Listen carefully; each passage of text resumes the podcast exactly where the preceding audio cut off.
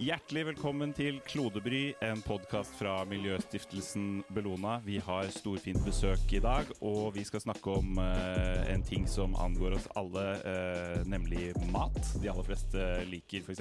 å spise mat opptil flere ganger om dagen, og det er eh, også viktig for oss. Og for å snakke om det temaet, så har vi selvfølgelig fått besøk av Gunhild Stordalen. Velkommen. Tusen takk. Veldig gøy å være her. Jeg tok uh, Google-testen på navnet ditt, som jeg alltid gjør når vi har gjester, for å se liksom hvor mange bokstaver i navnet ditt jeg må skrive før det kommer opp som forslag. Det holdt med GU. Da kom du altså som nummer to etter gulrotkake. Men før Guns N' Roses. Okay. Men hvis man skriver videre da, til GUN, da er det først. Og så kommer Guns N' Roses eh, på andreplass. Og så Gunerius Shopping på tredje. Dagens fun fact, ja. Eh, Signy Fardal. Du er kommunikasjonssjef i Bellona. Velkommen. Takk skal du ha, Benjamin. Gunerius shoppingsenter, er det Har du uh, vært mye der? Nei, Nei? faktisk ikke. Nei. Men kanskje for typ lenge, lenge, lenge siden. Benjamin Strandquist eh, heter jeg. Jeg er på Gunerius uh, stadig vekk. Det er mitt nærmeste kjøpesenter, og der kjøper jeg øl og parfyme. Så de er ja. gode på det. Mm. Det er en god kombinasjon, da. Yes. jo mer øl, jo mer parfyme trenger du. Ja.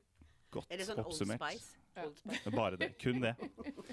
Eh, I dag har vi liksom, to ting på programmet, i hovedsak. Eh, de fleste iblant oss har et engasjement for noe, men ikke alle drar det like langt som Gunhild Stordalen. Så vi skal bruke litt tid på å bli kjent med det komplekse maskineriet Gunhild. Og så gjør vi et slags uh, taktskifte og kommer inn på det jeg nevnte, nevnte, først, nemlig mat. For er det noe vi alle har til felles på hele jordkloden, så er det at vi trenger mat. Og hvordan ordner vi mat til hele verdens befolkning på en bærekraftig måte? Det er ikke noe lite spørsmål. Og til den delen av samtalen så har vi også med en gjest til, så det er bare å glede seg. Men først, altså.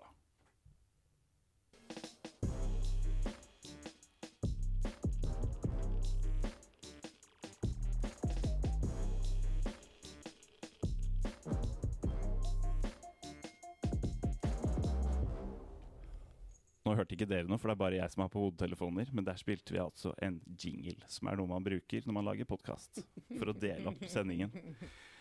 Eh, Gunhild Stordalen, velkommen. Altså, eh, alle har jo hørt navnet ditt. Og så varierer det sikkert en del hvor mye folk faktisk vet om deg. Um, hvis du skulle fortelle noen og si vår vår kjernelytter er kanskje et sted mellom 18 og 30 år. Eh, akkurat kommet ut av videregående, nylig begynt på studier eller i sin første jobb kanskje. Hvordan vil du introdusere deg selv, hvem du er? Oh, det er et uh, godt spørsmål tidlig på dagen. Um, jeg ville vel sagt at jeg er uh, lege og miljøaktivist. Og jeg har endt opp å med å bruke all min tid i matfatet, fordi mat binder sammen de største globale miljø- og helseproblemene, og er også nøkkelen til å løse det. Hva, hvor kommer engasjementet ditt fra? Altså, du, du, blir født, du er et lite barn som alle andre. Når begynte du å kjenne at det var noe som engasjerte deg spesielt mye? Det var vel fordi jeg vokste opp uh, utenfor Kongsberg, på et sted som ikke så mange har hørt om, som heter Muggerud. Nå har alle hørt om det. Nå har, nå har, nå har i hvert fall noen flere hørt om det. Uh, jeg har, no, har, nok satt uh, Muggerud litt på kartet. men jeg vokste opp der med, med dyr som bestevenner og naturen som lekegrind. Og mamma og pappa de var veldig sånn, ja, litt i utkanten av hippiebevegelsen. Veldig idealistiske, naturglade mennesker. Og de tok oss med ut på tur og lærte oss alt om naturen og økosystemene og hvordan liksom, eh, dette hang sammen. Også hvor sårbart det, økosystemene var, og også liksom de skadene som vi mennesker Eh, påførte naturen. Og jeg ble veldig glad i naturen, jeg ble veldig glad i dyrene. Og eh, jeg bestemte meg veldig tidlig for at jeg må gjøre noe jeg må gjøre noe med dette og alle miljøproblemene som på Når jeg vokste opp, så var det jo liksom hull i ozonlaget og sur nedbør og eh, forurensning generelt. Um, og, og, jeg hadde da første året på, videre, nei, på videregående, på barneskolen, så hadde jeg mareritt gjennom hele, hele året og våknet natt etter natt og liksom drømte at, eh, at vi forurenset og ødela, ja, ødela egentlig planeten, og alle de uskyldige dyrene døde. Og jeg syntes det var så forferdelig. Og mamma satt og trøstet meg, og en natt så sa hun bare at men Gunhild, det, dette her er jo menneskeskapte problemer, og siden det er menneskeskapt, så er også menneskene løsningen. Um, og du kan jo bestemme deg for at du, du kan jo bruke ditt liv til å gjøre noe med disse problemene. Uh, og da, da, kjente jeg liksom ja, men det er akkurat det jeg skal gjøre. Uh, jeg skal være med og gjøre alt jeg kan. Uh, det er det livet mitt skal handle om. og og så bestemte jeg meg eh, der og da. Og en uke etter eller noe sånt, så arrangerte jeg min første basar til inntekt for regnskogen. Og så var jeg i gang. Ok. I en alder av Hva var vi da? Tidlig på barneskolen? Ja, ja første, første, klasse. Du lagde vel også et slags demonstrasjonstog og samla de få barna som var i Ja, ja det, var, det var like etter. Så det var først denne basaren, og jeg kjørte også noen flere basarer. Noen var til Eh, for Redd Barna og sånn, men det var liksom miljøet som var hovedgreia. Og så, og så arrangerte jeg da dette eh, demonstrasjonstoget. Og det var ikke så mange barn, for det var jo mest jorder og traktorer og sånn. Men jeg fikk med de tre-fire barna i nabolaget. De skjønte jo ikke egentlig hva vi skulle. Men vi lagde plakater, antiforurensning, og vi demonstrerte og gikk oppover disse øde landeveiene opp, oppover eh, forbi Muggerud. Og det var kanskje en traktor eller to som kjørte forbi, men jeg følte liksom at dette her, dette her var viktig, og vi gjorde en forskjell. Og på en måte så var det jo liksom Jeg var jo en Greta Thunberg uh, uten sosiale medier og litt for meg selv. Ja. Men kan du ta uh, sånn kortversjonen av der, der begynner det, mm. og så hvordan fører det til der du er i dag, og det du driver med i dag? Ja, Kortversjonen av det var egentlig at jeg, altså, jeg, jeg fikk engasjementet og liksom bestemte meg at jeg, jeg må gjøre noe med dette. Uh, og så brukte jeg jo litt tid. Jeg så jo liksom Jeg hadde hørt på radio, vi hadde ikke TV på den tiden. Uh, mamma og pappa var veldig imot. Um, men, uh, men, jeg så på liksom, hva, hva, er det, hva, er det, som virker, og aktivister som Altså de som lenket seg fast i oljerigger og de uh, dyrevernsaktivistene som slapp ut mink og alt det der. Og sant, de, de, kjempet for kjempeviktige saker, og så opplevde jeg at samfunnet ble jo bare irritert og sinte. Og de ble liksom tauet bort og, og, fikk ikke gehør. Så jeg tenkte aktivisme er kanskje ikke den smarteste veien. Og vi var en helt vanlig familie. Så jeg tenkte at eh, hva, hvordan skal jeg bli hørt? Jeg er nobody. Um, men opplevde da at hvis du har liksom en akademisk utdannelse, så, så, lytter folk til deg. Og leger og ingeniører, som mamma og pappa var, liksom, de blir respektert i samfunnsdebatten. Så jeg tenkte at ok, jeg må få meg en ordentlig utdannelse, og så skal jeg liksom bruke den utdannelsen til å snakke om Eh, om dyrevelferd og, og miljøproblemer.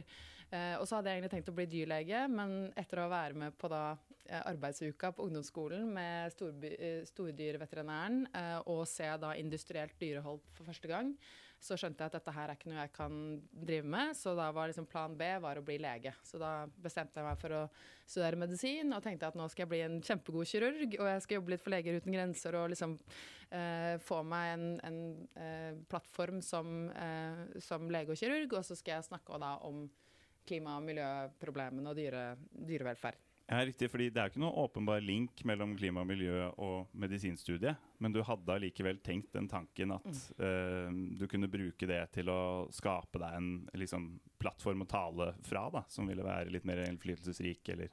Og, det, og, På det tidspunktet så var det ingen link, som, som, vi visste. Men nå er det jo en kjempelink. Uh, I 2009 så var det en artikkelserie i et av de viktigste medisinske tidsskriftene i verden, The Lancet, som sa det at uh, klimaproblemet er største, den største helseutfordringen i vårt århundre. Uh, og nå vet vi at klima er lik helse, og alle leger, alle helsepersonell, burde da engasjere seg i miljø- og klimakampen. Eh, men det var litt Altså jeg tenkte egentlig mer at dette var strategisk. Leger blir lyttet til, eh, og det er en mulighet til å snakke opp eh, om de tingene som folk må høre. Riktig.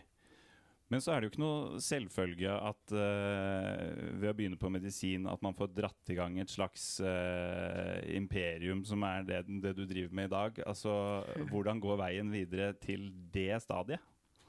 Så det var, eh, altså, jeg, klima var jo også eh, ikke på, liksom, på radaren min når jeg, når jeg begynte med dette her. Eh, men etter, eh, etter Al Gore og FNs klimapanel fikk eh, fredsprisen, og, eh, og det ble liksom klart at klima er den store greia, så var det liksom det som, som jeg var opptatt av aller mest. Um, og, og når jeg studerte medisin, så var jeg jo liksom Da var jeg litt all over the place. Da, da um, hadde jeg ikke da, jeg var veldig opptatt av disse tingene, men jeg var også veldig fokusert på at jeg må liksom fullføre utdannelsen og komme meg gjennom.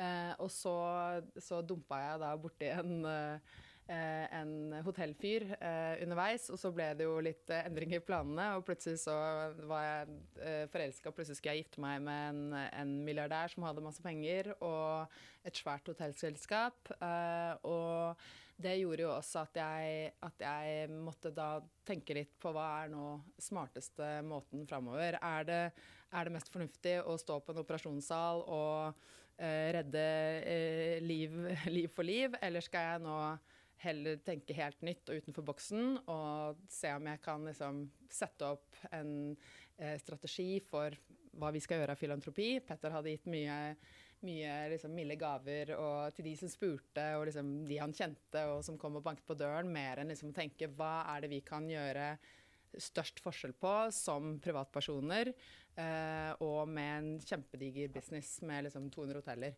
Så, eh, så, da bestemte jeg meg, etter at jeg var ferdig med eh, Eller jeg, jeg, gjorde en doktorgrad også underveis på medisinstudiet og, og tre år etterpå, og så bestemte jeg meg for at nå skal jeg starte den eh, stiftelsen som han lot meg starte i, eh, i um, morgengave når vi giftet oss. Det var ikke det snakk om 85 millioner kroner? Har du bekrefta det beløpet noen gang? Nei, Nei. det kommer jeg ikke til å gjøre i dag heller. Men det har vært, mye, det har vært, det har vært veldig mye penger, og, og, dette hadde jo aldri vært mulig uten at eh, at Petter hadde trodd så veldig og sett hvor viktig dette var. Og mm. han, han, har jo på en måte vært veldig engasjert. Han klatret jo uh, opp Sellafield mm. uh, og engasjerte seg i, i liksom problematikken rundt Oslofjorden. Og han har jo vært, vært liksom miljøengasjert også, men han har ikke på en måte ja, også før han traff deg? Ja, også, før han traff meg også. Så når vi møttes, så var det jo Så skjønte jo han at her er det en som har veldig mye interesse for dette, og som har lyst til å gjøre noe med det. Og, og uten at han hadde liksom sagt at dette skal, vi, dette skal vi gjøre, og ja, du vil ikke ha diamanter i morgengave, du vil starte en stiftelse, mm. kjør på. Mm. Eh, så uten, uten, Petter så hadde jo ikke EAT vært, eh, vært her. Det hadde for så vidt ikke jeg heller. men men Nei, han, var, han, var, veldig veldig viktig. og har, altså du, du, kan ha gode ideer, men hvis ikke du har den første sponsoren, uh, så er det veldig vanskelig å få til ting i den skalaen uh, vi snakker om nå. Men det hadde jo heller ikke altså det sånn, det hadde ikke vært noe IT uten Petter, og det hadde ikke vært noe IT uten Gunhild. Fordi eh, jeg har jo hatt gleden av å kjenne litt til deg gjennom mange, mange år. Og jeg husker første gangen jeg portrettintervjua deg, og det er snakk om 2009-2010. Eh, og da eh, Det er mulig jeg stjal det fra et eller annet sted, men da var det sånn at etter å ha vært sammen med deg et døgn i Paris, da, eh, så blir man helt nesten utmatta. Og så er det sånn at Ja, for at det, det, det er hele tiden, og det, alt, alt, handler om liksom Nei, det kan vi spise, det kan vi ikke Sånn. Og da var jo pels et viktig tema. Mm. Som også da var et stort tema ute i, blant folk. Altså antipels. Men, eh, men eh, det som eh, jeg husker at jeg skrev, jeg var veldig fornøyd med den formuleringen, da, at hvis man hadde putta en sånn eh, strømledning på Gunhild, så kunne hun holdt eh, liv i en hel eh, landsby. Eh, bare med energien sin. Det hadde jo funka veldig bra nå når vi har hatt strømkrise. Men det var et sidespor. Eh, beklager. Jeg trekker meg ut av dette. No. Men, men og ja. nå må jeg bare få si også, Signe, for det husker jeg faktisk veldig godt. Og jeg husker også hvor modig jeg syns du var eh, som liksom sjefsredaktør i L og da Altså el er jo et svært økosystem i, altså, i ja. 55 land, ikke sant? Ja. Eh, og som det første da magasinet som tør å ta standpunkt og gå vekk fra pels ja. eh, etter de intense diskusjonene vi hadde i, i, Paris når vi gjorde dette intervjuet. Og det var 22. Eh, og da tenkte jeg sånn Hun der dama der, hun tuller man ikke med. Hun tror på at man kan gjøre en forskjell, og hun gjør det for meg. Eh, og det ser vi jo også nå, at du har, liksom, du har gått fra å være sjefsredaktør i et liksom, superprestisje fashionmagasin, og du nå går inn i miljøkampen. Heia deg, ass. Ja, men takk for det. Og det som er litt morsomt, bare for å avslutte akkurat det, ti år etterpå så tok jo resten av elsystemet så også av Ja, stand fra fra ja. pels. Men det var bare at uh, vi var først. Men, Men takk være det. og det, men det er også en, en viktig greie her, det er aldri sosialt akseptabelt å ha rett først. Nei. Ikke sant? All, altså pels det er, det er en anakronisme. Eh, Det kan du forklare hva det betyr, eh, Benjamin. Men, men det er en hel, altså det er hel, det er en uting. Eh, Og det kom, vi kommer til å se tilbake på det. Litt sånn med, som med liksom holocaust og, og jødeutryddelsen. Eh, og det samme kommer vi til å se på i forhold til liksom industriell eh, husdyrproduksjon. Vi kommer til å se tilbake og tenke at vi gjorde faktisk dette her. Tenk så fucka vi var som holdt på med dette greiene. Eller forbrenningsmotorer. Tenk at alle kjørte rundt med et lite Ja. oljekraftverk Ja, i ja. bilen sin. Ja. Og, og, ikke sant? Så, så dette her, men liksom å begynne å si at vi må, vi må tenke annerledes, og dette her er faktisk ting vi ikke kan holde på med. Det er aldri populært i starten, og derfor så trengs det folk som, liksom, som tør å ta de kampene. Og du Og gjorde du det. tar- Og, så, og ti år etter så kommer da L International. De kommer liksom luskende. Ja. Drita kult. Så eh, alt, alle endringer kommer fra et sted. Det starter med at noen må, må uh, ta et initiativ, bruke et engasjement, prøve å få til noe. Og du, Gunhild, er jo da måtte, legen som gjorde jordkloden til din pasient. Veldig fint sagt. Mm. Kan jeg Og- bruke den, Benjamin? Den kan du, den kan du få lov å bruke. Uh, jeg skal ha 15 kroner hver. Ja. bruker, Bra du, business. Ja. Bruker du all tiden din på dette nå? All tiden min og litt til. Um, jeg har lyst til å søke om vi kan i hvert fall få 26 timer i døgnet.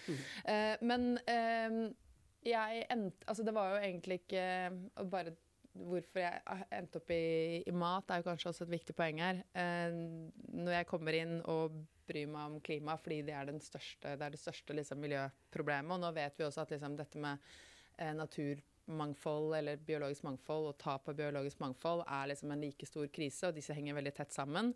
Eh, men liksom kall det klima og miljø, da. Men fra det å ende opp med å bruke all min tid på å endre matsystemet, eller hva vi produserer og hva vi spiser og vi, hvordan vi kaster og sløser med ting, da. Nemlig. Um, det var jo ikke en sånn åpenbar link, og jeg må jo bare si, og det er så ofte når jeg er ute og snakker og sånn, så pleier jeg også å si at det er jo, det er jo litt ironisk, for jeg eh, fortsatt er jo liksom Jeg er jo ganske håpløs når det kommer til å lage mat. Jeg driver og liksom skal prøve å lære meg å lage mat, men jeg syns det er. Så jeg, uh, så jeg er liksom uh, Jeg er ikke noe foodie, da. Veldig mange er jo liksom veldig opptatt av mat. Jeg er veldig opptatt av å spise mat og elsker mat, men det der å lage det og liksom stå mange timer på kjøkkenet og sånn, det har aldri vært min greie. Men der er i hvert fall eh, hovedtematikk nummer to, altså matsystemer, eh, introdusert. Og i den forbindelse så skal vi ønske velkommen til en gjest til. Kjetil Stake fra Sahara Forest Project, velkommen til deg. Takk skal du ha. Veldig hyggelig å være her. Du og uh, Gunhild Stordalen har det til felles at dere på en eller annen måte jobber med det å løse verdens matproblemer. Uh, men med to ulike liksom, innfallsvinkler til problemet. Og uh, Gunhild, du driver noe som heter EAT.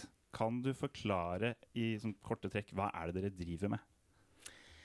Så EAT er egentlig Altså, vi er en organisasjon. eh, men vi er også en plattform der alle de ulike aktørene i matsystemet kan komme sammen og både drive da forskning og finne svar, eh, og omsette de svarene og den forskningen inn i faktisk handling og endring på liksom, bakkenivå. Um, og, og EAT, bare veldig kort forklart, startet egentlig som et veldig praktisk problem. For uh, når jeg giftet meg med Petter og plutselig ble, ble da satt inn i, eller fikk lov å komme inn i styret i Nordic Choice, dette hotellselskapet, eh, så hadde jo jeg altså jeg hadde jo ikke filla peiling på business og liksom hotelldrift, men jeg tenkte at nå må jeg i hvert fall bruke dette, denne plassen til å gjøre alt jeg kan for at vi skal bli så bærekraftig som overhodet mulig eh, som hotellselskap. Eh, og begynte da å lese om hva er liksom bærekraftsutfordringene i hotellbransjen. Og jeg tenkte at det kom til å være liksom energi og vann og kjemikalier og sånn. Men så, så, fant jeg en rapport som viste at det var inntil 70% av miljø- og klimaavtrykket kom fra mat og drikke eh, på et gjennomsnittlig hotell.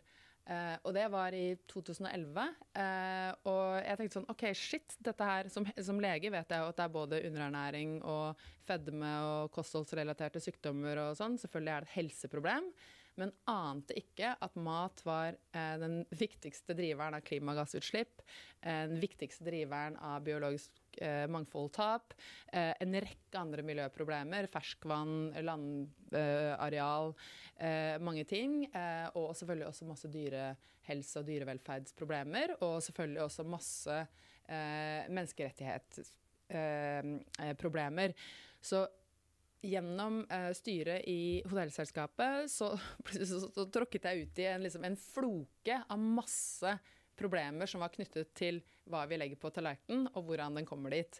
Uh, og jeg tenkte som, som, forsker, da hadde jeg liksom akkurat tatt en doktorgrad, og så sa jeg liksom ja, ja, altså, til mine kollegaer i selskapet gi meg et par dager, og så skal jeg komme tilbake med en rapport som uh, kan da, altså med noen vitenskapelige svar, så vi kan lage noen interne retningslinjer for hva vi skal servere på disse 200 hotellene, som er bra for gjester og ansatte, og bra for de som produserer maten, bra for dyra, og bra for klima og miljø dette kommer til å gå fint.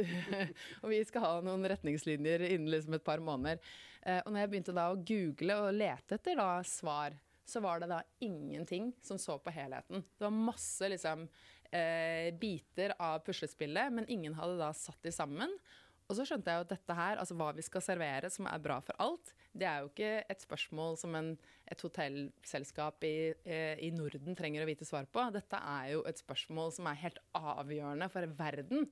Eh, selv om da bærekraftsmålene ikke var liksom, eh, vedtatt ennå, så var det liksom helt åpenbart at hvis ikke vi finner svar på dette, hvordan skal vi fø ti milliarder mennesker, som vi vet at vi kommer til å bli rundt midten av året, dette århundre. Hvordan skal vi fø og, og, lage nok sunn mat til alle de på en måte som ikke totalt ødelegger planeten? Nettopp. Ja. Og der eh, Og det har Kjetil for, tenkt mye på. Det, hvordan mye på Dette bruker Kjetil mye av tiden sin på. Altså for Kjetil, Jeg har sett eh, bilder av et drivhus i ørkenen. Og så eh, har jeg også ofte sett deg, fordi vi er jo det samme, i det samme kontorlandskapet, faktisk. Kan du forklare hva Sahara Forest Project handler om, og hva som er linken mellom dere og oss i Bellona? Absolutt. Så Sahara Forest Project det er i utgangspunktet en ny miljøteknologi for å produsere vann, mat og energi i ørkenområder. Og som Gunnhild sier, altså kloden vår trenger eh, at vi klod, Kloden fortjener at vi ser på en annen måte å produsere maten vår på. Fordi den måten vi produserer maten vår på i dag, den ødelegger kloden.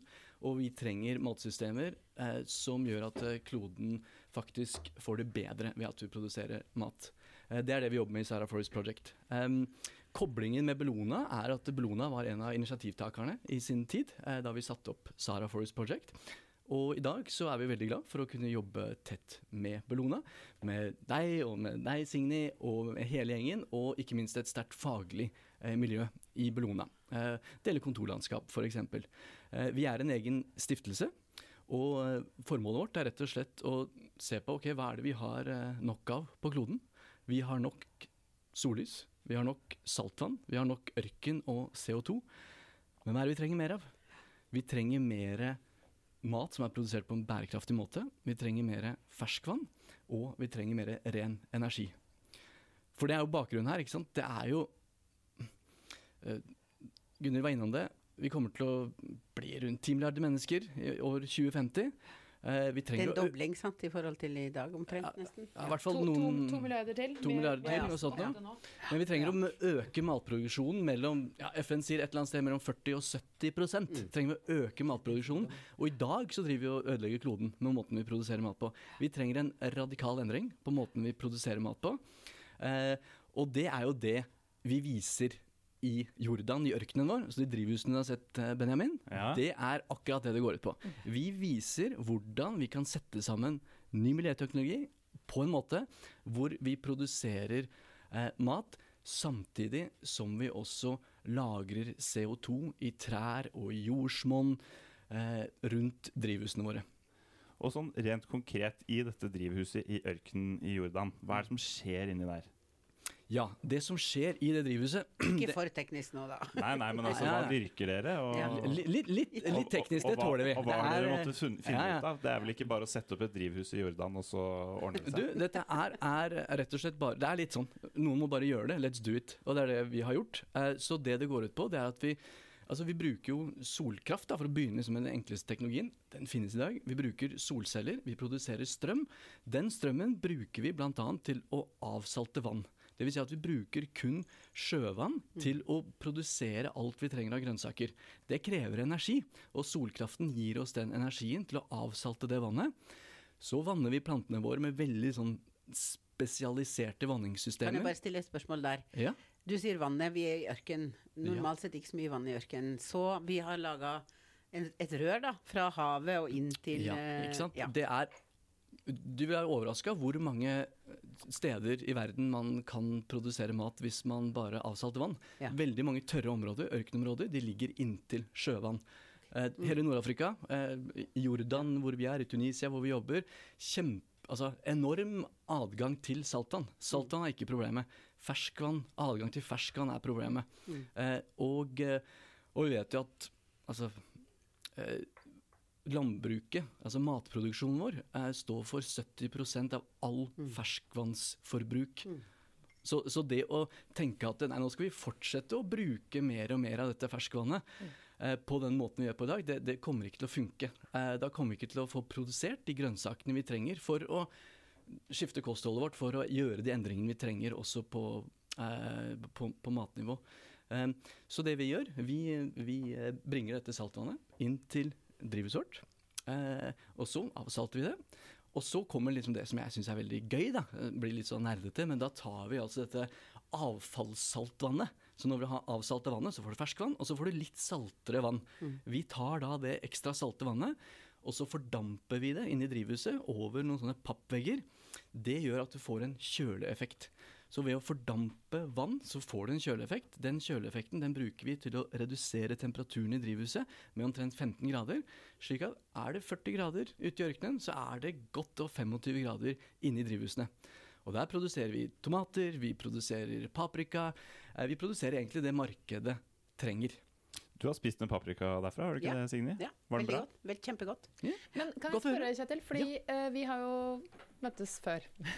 For lenge siden. Ja, det var også veldig hyggelig. Det var også veldig hyggelig. Uh, og, og jeg var jo, jeg var jo eh, skikkelig gira etter det møtet vi, vi hadde. Og denne teknologien kunne jo liksom Altså, det kan jo være en ordentlig sånn game changer. Um, men hvor langt har dere kommet eh, på de siste ti årene? Hvor Ja. Vi har akkurat vært i Egypt i forbindelse med at de skal ha klimatoppmøte nå i november. Eh, der kunne de trengt litt eh, Sahara Forest Project, eh, for å si det sånn. Eh, Ja, jo, det, Hvor fort kan dette skaleres? Det skal de få. Ja, det kan skaleres veldig fort. Det er altså eh, Før jeg går inn i detaljene, så kan vi si at det er Hele konseptet er også basert på at vi må bruke markedsmekanismene her. Det skal være bra for eh, kloden. Ja. Ikke sant? Det skal være bra for eh, eh, for de som spiser maten, og det skal være bra for investorene som putter pengene sine inn i dette her. Så, så oppskaleringsdelen er basert på veldig gode business caser. Og så er det slik at eh, noen av disse landene, Jordan og slike ting, er, det krever litt å få opp eh, investorviljen og, og business cases, og vi jobber også andre steder i Nord-Afrika med, med gode business cases på dette her. Det som har skjedd siden sist vi, eh, vi møttes, da, eh, det er at vi har, jo, vi har gjennomført eh, vår første pilot, så, og der viste vi at teknologien eh, fungerer. Det gjorde vi i Doha i forbindelse med klimatoppmøtet der nede. Eh, og så har vi nå de siste fire årene driftet anlegget vårt i Jordan, et litt større anlegg, for også å vise den kommersielle eh, muligheten som ligger i prosjektet. Så blant annet så har vi et samarbeidsprosjekt sammen med norske Bama, som jo er Norges største importør og distributør av grønnsaker. ikke sant? Så, eh, så sammen med de så har vi hatt leveranser fra anlegget vårt i Jordan til Norge. Nettopp for å vise at det går an å produsere grønnsaker i ørkenen i Jordan for det norske eh, markedet. Eh, så vi har rett og slett brukt tiden vår til å vise at dette her funker. Nå er vi klare for å oppskalere. Og vi er jo vi er jo ikke bare litt stolte, vi er egentlig veldig stolte av at vi nå siste eh, altså, eh, IPCC-rapporten, siste klimarapporten, da var Sahara Forest Project Tenk nevnt som et eget eh, eh, case-eksempel. Eneste norske, faktisk. På Fantastisk. 3000 hvordan sider. På hvor, ja, ikke, ikke, ikke 3000 sider om Sarah Forest Project. Nei, nei, av tre, nei, men det er et ganske omfattende Ja, ja. Det er et ganske omfattende rapport. Inni er der så er det en hel side om Så, så, vi er sånn, så vi er klare eh, for, for å skalere opp, og vi har, mener at vi har brukt tiden godt da, i Jordan til å vise hvordan det eh, skal gjøres. Og så skal det spres til videre regionen, og Egypt er Altså, ja, Egypt er et perfekt land også Ja. for, for den teknologien. Så, Det var det jeg også tenkte når jeg var der nede. Mm, ja, du flyr over. Det er mye saltvann, det er mye ørken, eh, og det er et kjempebehov for Ja, å produsere ja. mat på en annen måte enn man gjør i dag. Hva, hvordan, eh, hva, hva tenker du er liksom det, det endelige potensialet for den teknologien som dere driver og, og utvikler? Hvor mange mennesker kan dette gjøre en forskjell for? Veldig mange. Altså det, ble, det, det er et sånt eh, Man kan jo først fort virke litt sånn flåsete og si at den, vi gjør dette her faktisk for å redde verden, ikke sant. Det er jo litt sånn Gunhild, du var innom det. Altså man, man har en eller annen sånn indre driv på at den, dette her tror vi faktisk kan gjøre en forskjell. Og da gjør det en forskjell for alle, da. Ikke sant? Vi, vi er med på å endre måten matsystemene fungerer på. Jeg sier ikke at vi i Sahara Forest Project skal gjøre det alene. Nei. Snarere tvert imot. Vi ønsker å være en inspirasjon for andre. Stjel det vi gjør. Ja. Ta teknologien vår. Og dette har skjedd. I Australia er det prosjekter på dette her. I Saudi-Arabia. Det begynner å komme prosjekter som er tilsvarende. Og istedenfor å liksom å være sånn vonbrot nå, de, de gjør det, og de er vår idé. Nei, veit du hva. Det skal jeg være kjempestolt av. For det er, også litt sånn en sånn personlig kjepphest eh, for min del. Da, at eh, jeg tenker at Det er så viktig å vise fram løsningene. Og hvorfor, hvorfor jeg elsker å jobbe i Bellona-miljøet. Altså det, er, det er sånn fokus på løsningene. Mm. Fordi hvis vi ikke har det, så blir det litt sånn eh, Jeg tenker at kanskje den største trusselen da, mot å lykkes med å, med å eh, kjempe mot klimaendringene, det er, det er apatien. Mm. At liksom at det får den derre ah, er det noe vits, ja? Mm. Altså, det, det går, vi bare hører jo om negativt Ja, det går jo rett og det går jo skikkelig dårlig. Selvfølgelig mange, mange de- føler på den avmakten når de står og tar og river av den der plastikkdelen fra vinduskonvolutten og kildesorterer hver for seg. At bare bare Gjør du det? Ja, jeg gjør det. Noen ganger gjør jeg det. Hvis du får vind... Men det blir er jeg trist slutt på etterpå. vindussida. Nei, men det er jo interessant. Men uh, Gunhild, um, det som i utgangspunktet begynte med å skulle være en god hotelldiett, hvordan gjør man det til allemannseie? Ja, det, det, det er 10 000 Enkelt spørsmål. Ja, det er 10 000 kroner spørsmålet. Eh, nei, altså det vi, det vi startet med, og egentlig det spørsmålet som eh, førte til at vi startet EAT, var jo dette, ikke sant? Hvordan kan vi fø 10 milliarder mennesker nok sunn mat på en bærekraftig måte? Eh, det var ikke noe svar, så da måtte vi sette opp, eller vi måtte finne en måte å finne svar på. Så vi eh, samlet da verdens beste forskere på tvers av fagdisipliner. Fagdisipliner som aldri hadde snakket med hverandre. Helse, landbruk, klima. Veldig interessant dugnadsprosjekt. Og dette, eh, denne Eat Lancet-kommisjonen eh, startet vi eh, i 2016. Rapporten kom i 2019 og var det det første forsøket på å ha vitenskapelige svar og vitenskapelige mål. Hva er Hvis vi skal ha en optimal sunn et optimalt sunt kosthold for å leve lange, friske liv, hva er det? Og er det mulig at 10 milliarder kan spise et sånt referansekosthold uten at man eh, overskyter disse planetary boundaries, eller planetens økologiske tålegrenser?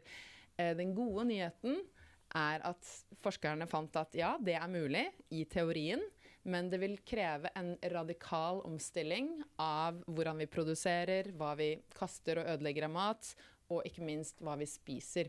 Eh, og nå sier vi at det er egentlig fire store skifter som må skje. Det ene er at vi må skifte fra industriell, eh, intensiv, ekstraktiv eh, produksjonsmetoder til det vi kaller regenerativt eh, landbruk. Dvs. Si at man, man altså Bærekraftig er ikke godt nok lenger fordi vi har ødelagt så mye natur og sånn, så vi må ha eh, en Vi må produsere mat på en måte som lagrer karbon i jorda og gjenoppretter biologisk mangfold. Eh, så må vi i hvert fall halvere eh, matavfall og matsvinn eh, og gå over til en sirkulær økonomi. Sånn at eh, avfall blir nye råstoffer. Og så må vi endre kosthold til et mye mer planterikt kosthold. Det betyr ikke at uh, det er en kjøttfri eh, eh framtid vi snakker om, men det betyr at vi må, vi må slutte med det vi kaller liksom, industriell factory farming, i hvert fall. Det er den industrielle overproduksjonen av billig kjøtt som spiser kraftfôr, eh, ikke minst fra Brasil, og spiser mye mer planter og et mye større mangfold. Så Mm.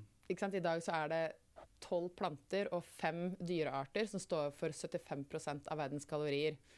Og mais og hvete og soya og ris står for over 50% av verdens kalorier. Så det er veldig, veldig eh, veldig lite mangfold, og det gjør oss også veldig sårbare. Men, eh, så det er liksom dette med å skifte til regenerativt eh, landbruk, eh, halvere matsvinn og matavfall, og eh, endre til sunt og mer planterikt kosthold. Og alt dette må skje på en, en sosialt rettferdig måte. Sant? Bønder i dag de sliter med å tjene til livets opphold, om det er i Norge eller om det er i Somalia eller USA. Eh, og det er noen store store selskaper og liksom dagligvarekjeder og matgiganter som håver inn penger. Det er veldig veldig urettferdig sånn som det er i dag. Så det EAT egentlig jobber for, eh, er å retenke systemet eh, og lage et system der man eh, produserer og spiser og slutter å kaste eh, og gjør dette på en sosialt rettferdig måte for å levere på mange likestilte mål. Og det er fullt mulig ifølge forskningen, men du trenger da du trenger endring i politikk, du trenger endring i eh, business, du trenger at sivilsamfunn er med, organisasjoner som Bellona. Eh, og du trenger også at folk begynner å si at det er ikke greit at den maten vi eh, har rundt oss, og den vi har tilgang til, den eh, gjør oss sjuke eller ødelegger planeten, eller begge deler. Og noen må bare gjøre det, rett og slett. Og noen må bare gjøre det. Og det er jo ikke, det er jo ikke populært, liksom.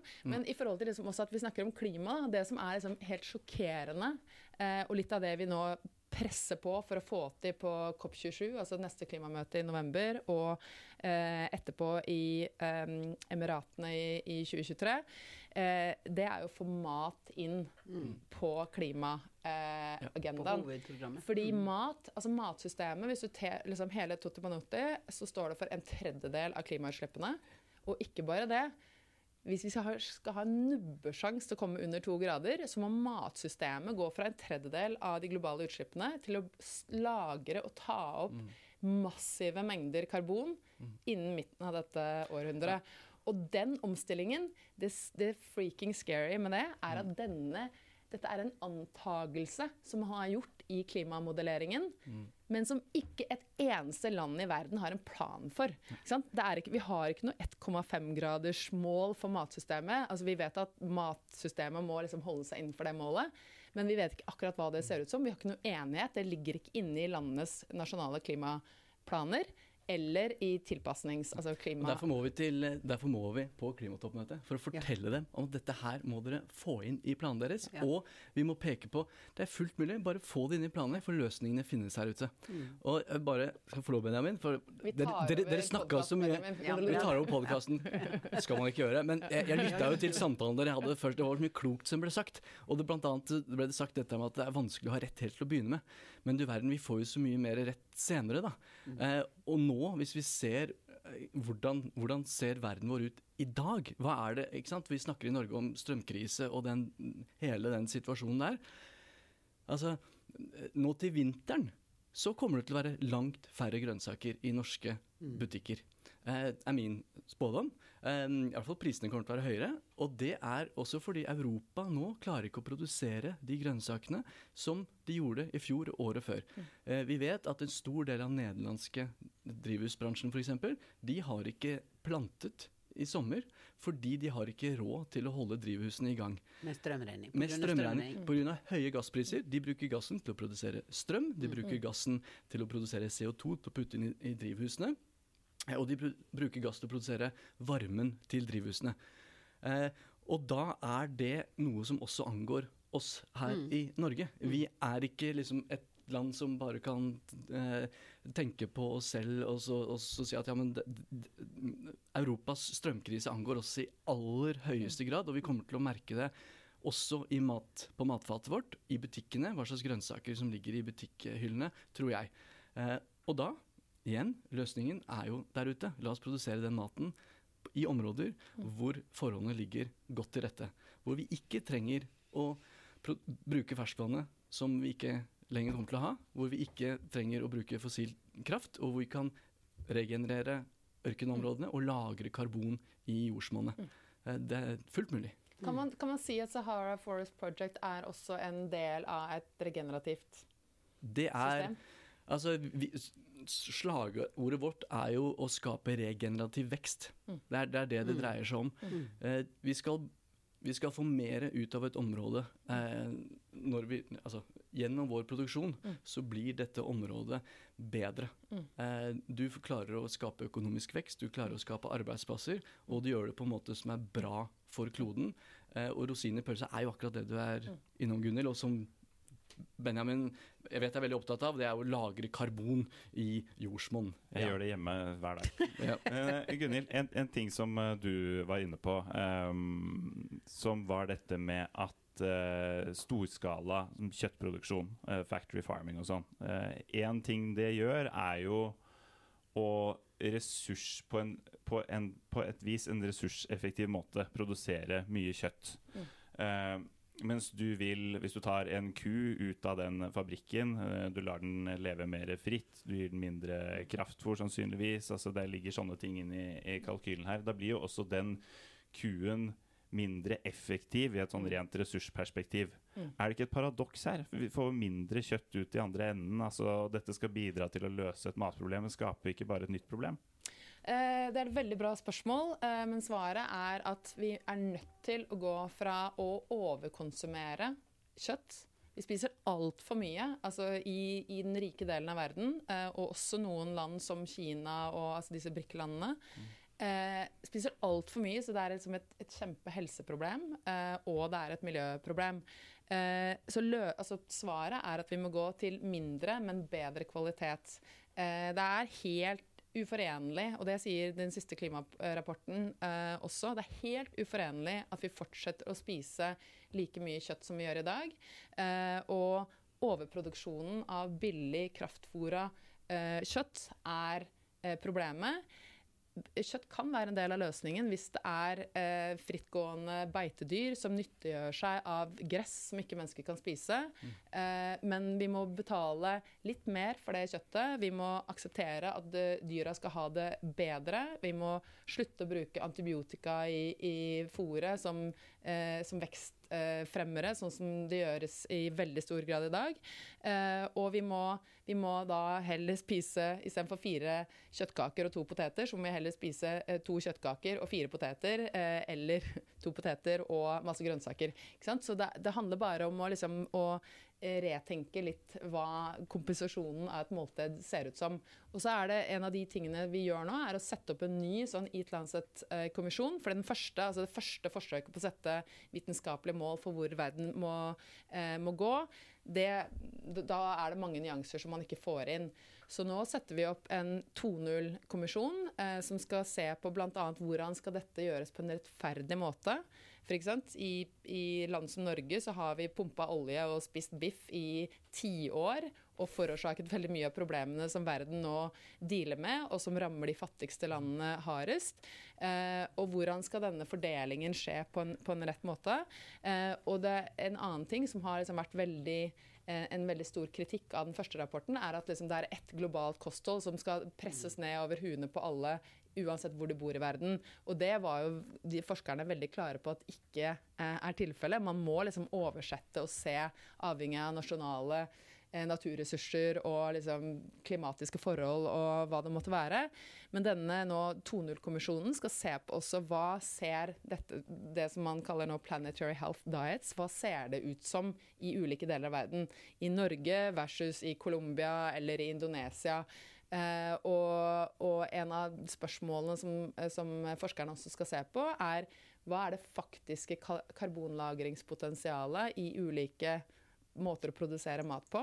Uh, hvor mye kan man faktisk regne med at matsystemet kan levere hvis man gjør det på den rette måten? Og så kommer man også til å se på liksom, ulike spørsmål som er det bedre helsemessig, og kan man spise mer kjøtt hvis det er fra, uh, fra frittgående beitedyr som har spist gress? Versus de som har stått inne og fått antibiotika og veksthormoner og blitt fôra kraftfôr. Eh, for i et land som Norge så kan det tenke seg at eh, man vil ha et noe høyere innslag av eh, kjøtt fra beitedyr enn man vil ha i et landbruksland som Tyskland f.eks. Hvordan skal en person som eh, si, lever i et uh, utviklingsland i dag, har eh, kanskje et veldig ensidig kosthold, spiser mye ris, mye bønner, altså et eller Cassava, annet, ja. der, og så har de ikke mer penger å bruke på mat enn det de har i dag. Hvordan, hva skal man gjøre for at den personen får et bedre og samtidig bærekraftig kosthold?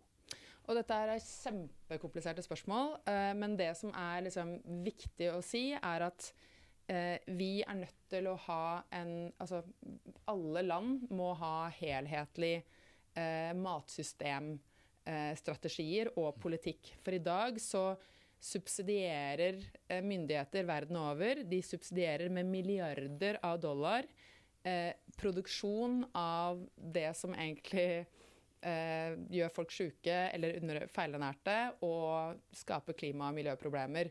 Eh, fra liksom å endre da landbrukssubsidier til å faktisk begynne å støtte det som er bra for folk og bra for planeten.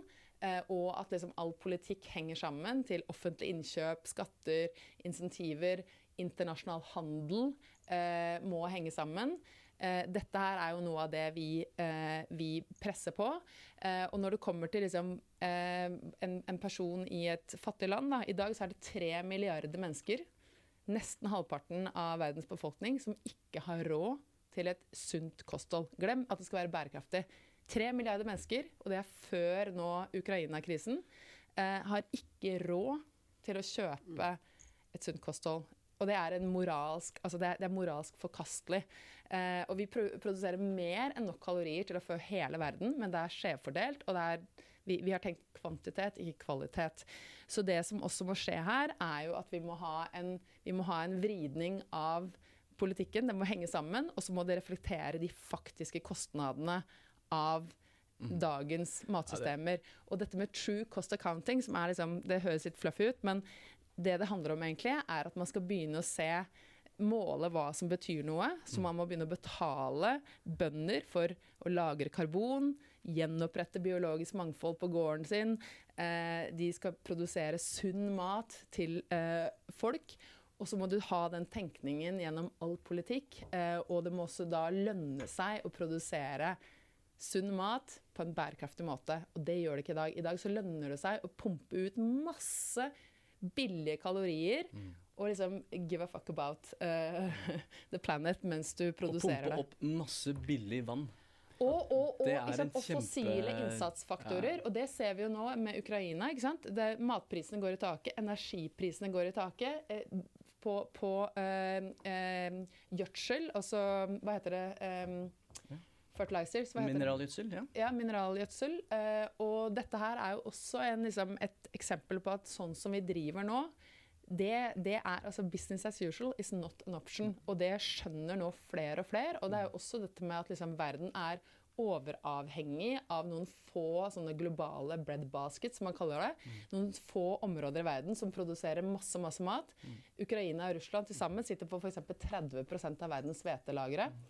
Og Der kommer jo dere ja. veldig inn i bildet, Kjetil. Mm. fordi at hvis vi kan produsere mat mer desentralisert mm. og nær der folk er, hvis vi mm. kan dyrke sunne råvarer i nærheten av der folk som kanskje ikke hadde tilgang på det tidligere, mm. eh, bor, ja. så løser man vel også et problem? Absolutt. Og det er, eh, og det er så viktig å å se dette her da i, i dette globale eh, systemet, fordi mat er en global vare. Mm. Eh, det, er, det er kjempefint. Altså, beste maten er den du dyrker i hagen din eh, eller på balkongen din, Benjamin. ikke sant? Det er, det er jo den på mange måter den beste, beste maten, kanskje. og det, Du får en tilknytning til maten din. det er mye ikke kultur. Ikke akkurat min balkong, det er litt mye svevestøv. Ja, du får sikkert en veldig sånn tilknytning til maten din. da, Du spiser den selv om det er svevestøv på den, kanskje. Mm. Eh, men det er mye kultur med mat. ikke sant? Det, er viktig, det er viktig å holde dette nært. Men samtidig så er det disse utfordringene som vi har snakket om nå mange ganger, med, med vann, mat og, eh, og energi. Eh, må huske at alle de faktorene der eh, de forsterkes av klimaendringene. det, der hvor det er tørt i dag, blir det tørrere. Eh, og, og, og det ser vi rett og slett på værforholdene. I Spania så er det I Norge så får vi jo mye av maten vår fra Nederland og fra Spania. I Spania så ser man bl.a. at været endrer seg raskere. Det er ikke lenger så lett å få de varene som vi pleier å få fra Spania. Og når vi ser strømkrisen, og vi ser at Nederland stenger ned Jeg har snakket med noen som sier at det er helt opptil 80 av eh, drivhusproduksjonen i Nederland eh, stenges ned nå i år. Eh, så er det klart at da vil land i Nord-Afrika eh, være et kjempegodt alternativ. Og du ser allerede et skifte. Så det ene er at vi får en de må diversifisere hvor vi produserer maten vår. Du sa det jo, Gunhild. Altså, I dag er det bare noen få, få breadbaskets eh, rundt omkring. Det må diversifiseres, og da trenger man teknologi som gjør det mulig. Og det må være teknologi som kan skaleres opp. Eh, vi trenger alt. Vi trenger småbønder, vi trenger den delen også. Men virkelig, for å klare det store mye mer løftet mangfold. mye mer mangfold, og du trenger de, de teknologiene som kan produsere de 2000 tonner som vi nå skal gjøre i, i Jordan og Tunisia f.eks. hvert år. Det er um, en, en kjempeforretningsmulighet også. Nei, jeg skulle bare Jeg, jeg tenker på uh, Norge skal jo være sjølberga. Nei da. Men det var før i tiden, det.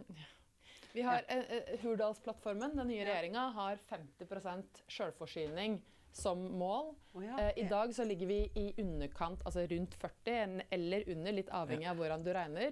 Og problemet Dette er også en diskusjon vi har gående i Norge. Eh, fordi landbrukspolitikken i dag gjør det dessverre lønnsomt å importere store mengder soya fra Brasil for å fòre opp dyr på bås istedenfor å la de gå ute og benytte seg av norske beiteressurser.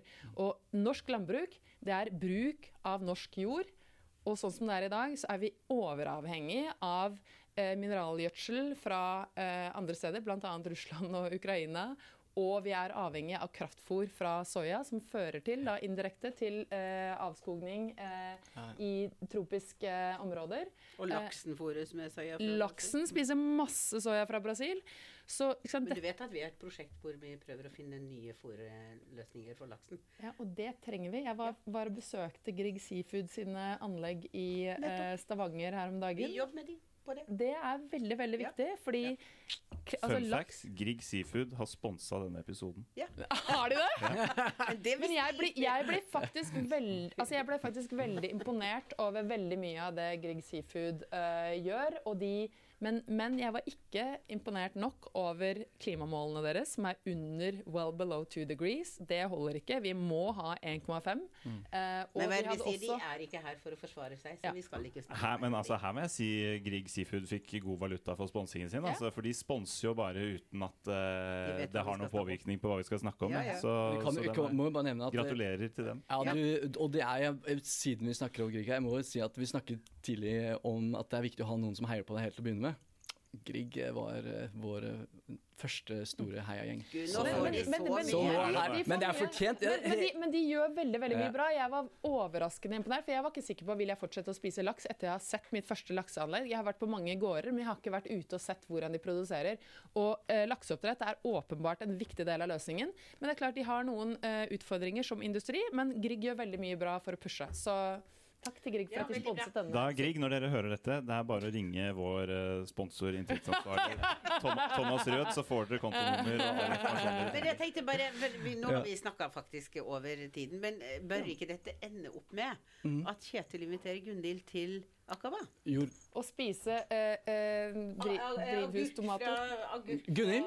Du er herved invitert til Akaba for å spise verdens er Hvor er Akaba er i Jordan. Det ligger ved Rødehavet. Jeg har aldri vært i Jordan. Det er en god anledning til å dra dit. Men kan vi ikke, altså, kan vi ikke skal på Da, så inviterer jeg dit. Det er, da kommer du dit når det er klimatoppmøte. Så tar du turen nedom i forkant. Skal du få smake og spise verdens mest sluttet, miljøvennlige jeg, har grønnsaker. jeg har gjort mange sånne eh, personlige løfter, bl.a. Oh, ja. at jeg ikke skal fly eh, oh, ja, uten å ha en altså en, en klar påvirkning, eh, og at det skal virkelig bety noe. Så jeg har sluttet liksom å fly for pleasure, bare Ja. der jeg tror at de Det altså er veldig klokt. Skal du på klimatoppmøte i Sharm el Sheikh, Det skal jeg. Eh, da er det en båttur unna Akaba, så da kan vi kjøre båt. Ja, men da, er, da er jeg med. Men det, eh, og det er veldig interessant, som personlig interessant å få smake. Men det jeg er mye mer eh, keen på, Kjetil, er at vi skal snakke om hvordan kan vi nå Ja. Eh, samarbeide Mm. i stor skala. For vi gjør veldig mange store Ja. nå internasjonale prosjekter. Og mye av det handler om å få mer lokal matproduksjon for lokal konsumsjon. Yes. Og, der, og vi samarbeider med noen av verdens største byer for at de skal begynne å løpe med dette her. Fordi nasjonale myndigheter de er ganske treige, for å si det mildt. Eh, men byer de løper fort foran. Det har vi sett på energi, og nå ser vi det på mat. Eh, så kanskje er det da liksom de prosjektene dere har, at det kan være med å levere til noen av disse modige byene som nå begynner å virkelig drive Absolutt. denne agendaen. Klodeby, podkasten der kloke hoder møtes. Og Eh, begynner å samarbeide. Ja, nettopp. Jeg eh, har to eh, korte ting på slutten. Det første er at jeg vil spørre dere begge to. Kan begynne med deg, Gunhild. Hvor ser du EAT om ti år? Nedlagt, for da har vi fiksa problemene. Oi. Beste svaret. Ja. Kjetil? Jeg ser Sahara Forest Project i Egypt, i Tunisia, i Jordan. Vi produserer rundt 200 eh, 000 tonn med grønnsaker hvert år. Og nå er det 20 tonn. Hvor mange Ja. ja. Cirka. Så Hmm. det er en stor økning. på Vi må jo doble, ifølge Eat Lancet-rapporten, som den første, så må vi over doble produksjonen av sunn mat, inkludert eh, frukt og grønt. Eh, og hva, hvor, hvor stor prosentvis andel leverer dere? Vet du hva, vi kan levere det som trengs, men det, og det er der jeg sier vi, da, for jeg er jo litt opptatt av at vi er faktisk et globalt miljø. Igjen, Sarah Sahara Forest Project, vi skal skalere opp og gjøre så godt vi kan med å skalere opp store, store anlegg, produsere massevis av mat, men vi skal ikke gjøre det aleine. Vi inviterer alle. Stjel teknologien vår. Gjør det samme som oss. Finn en måte å gjøre det bedre sourced? på. Hva sa du? Er den, er den fritt tilgjengelig? Den er fritt tilgjengelig. Så det er bare å let's, let's, let's get to it, altså. Helt fantastisk. Vi er alle enige om at endringer må til på systemnivå. Men hvis det sitter lyttere der ute som tenker sånn Hvis jeg kan gjøre en liten forskjell i, i Kanskje jeg skal gjøre en liten forskjell i matveien min for å, for å bidra i en eller annen positiv retning. Hva kan folk der ute, enkeltindivider, gjøre? En enkel ting. Mm. Eh, kan jeg få si et par? Eh, det. Sjølsagt. Eh, det, er å, det handler om å spise eh, mer grønnsaker, mer plantebasert. Eh, mindre, men bedre altså, Eller kutte helt ut kjøtt. Eh, men hvis du vil spise kjøtt, så spise mindre, men av bedre kvalitet. Og ikke kaste noe. Eh, så eat food, uh, real food, not too much, mostly plants, er en bra saying på engelsk. All right. Kjetil? Si- Spis paprika fra Jordan. Det er ikke kortreist. Jeg sier lytt, lytt, lytt til Gunhild. Lytt. Lytt til Dr. Gunhild, ja. Lytt til, Dr. Gunhild, og, og bare Tenk at det, dette, dette her dette ordner seg hvis vi alle gjør litt. Løsningene finnes der ute. Ik, ikke, ikke vær redd for å prøve og feile. Bare eh, stå litt i det. Eh, verden går i riktig retning så lenge vi samler hodene våre sammen. Men kan jeg si en veld, veldig siste eh, ting, er at, og til det du sier, Kjetil, at ikke sant, det er det man kan gjøre ja, akkurat sa, er det du kan gjøre i liksom, ditt daglige liv hvis du har valg, og det har de fleste i Norge. Men det aller, altså, like viktig er det å stemme på politikere som faktisk ønsker å gjøre en forskjell. Bruke stemmen sin, bruke sosiale medier, snakke med venner, snakke med familie, stille spørsmål. Hvorfor gjør du, hvorfor fortsetter du å gjøre det greiene der? For vi må alle holde hverandre litt ansvarlige, og vi må snakke om dette. Fordi løsningene er der. Og vi må kreve endring. Vi må kreve endring fra selskaper eh, og fra eh, politikerne våre. Fordi nå er det bare altså, Ikke mist håpet. Ikke mist håpet. ikke mist håpet. Stem på de du tror på. Stopp, stopp Det er the godt bullshit. sagt. Det er det jeg har tatovert på armen her. Eh, som forslag til bærekraftsmål nummer 18. Der du ser da samme font som bærekraftsmålene. Så, Yes. så bærekraftsmål nummer 18, fini le connerie, det betyr eh, stopp, stopp the bullshit på fransk. For vi har, vi har kunnskapen, nå er det bare eh, get to work. Stopp the bullshit. Det trommes i bordet. Ja.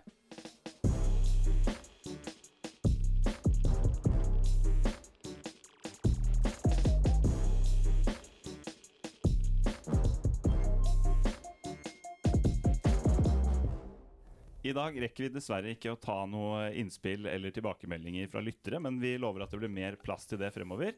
Kjære lyttere, vi ønsker deres uh, tilbakemeldinger. Hva syns dere om det dere hørte i dag? Hva vil dere høre fremover? Send oss gjerne e-post klodebry at bellona.no. Her er det blitt på tide å runde av for denne gang. Du har hørt en episode av Klodebry, som er en podkast fra Miljøstiftelsen Bellona. I hvert program så tar vi for oss et eller annet som kan bidra til å redde planeten. Og hvis du likte det du nettopp hørte på, så bør du også følge oss i sosiale medier. Og selvfølgelig abonnere på den poden du sitter og hører på akkurat nå. Vi høres neste gang. Jeg heter Benjamin Strandquist, og denne episoden har blitt til med økonomisk bidrag fra Ja, det har vi snakket masse om allerede. Grieg Seafood. Takk for i dag.